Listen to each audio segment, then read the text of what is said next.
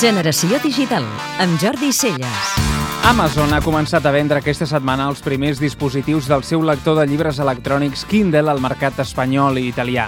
Tot i que els dispositius es podien comprar en les botigues internacionals d'Amazon, l'avantatge principal de la compra local és que el dispositiu està completament adaptat a la botiga de cadascun dels països on s'ha llançat amb característiques exclusives pel que fa a la navegació i a la tria de títols. Amazon ha llançat el seu aparell Kindle només 3 mesos després de la posada en marxa de la seva botiga a l'estat espanyol i just a l'inici de la campanya nadalenca. El preu del dispositiu Kindle pel qual ha apostat aquests dos mercats és de 99 euros, un pas més en la política de l'empresa dirigida per Jeff Bezos per intentar aconseguir la màxima quota de mercat venent els dispositius a preus baixos amb molt poc marge de benefici. La idea de fons és aconseguir la major part dels guanys gràcies a tot el que els usuaris comprin a través del dispositiu, deixant clar que el potencial econòmic està en els continguts i no en els aparells. El Kindle, que ja es pot comprar aquí a Itàlia, és un lector de tinta electrònica que medeix 15 centímetres, pesa només 170 grams i té una bateria que pot durar fins a un mes.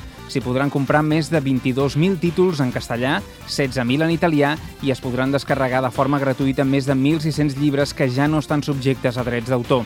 Amazon també ha posat a la venda el seu catàleg llibres en català, gallec i euskera, tot i que no n'ha especificat la quantitat. Segurament un dels grans reptes del sector editorial de cara al món digital és el de trencar la barrera dels preus fixes dels llibres en les seves edicions de paper. A l'estat espanyol, com a França o Alemanya, el preu dels llibres queda fixat en la seva edició i els descomptes s'hi poden aplicar i estan regulats per llei.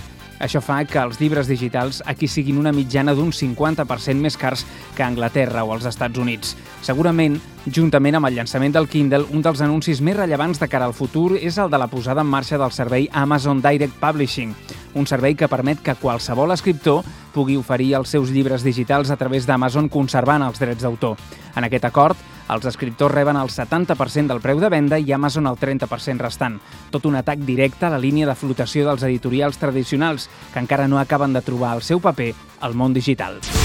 Podeu escoltar Generació Digital cada dissabte de 4 a 6 de la tarda a Catalunya Ràdio.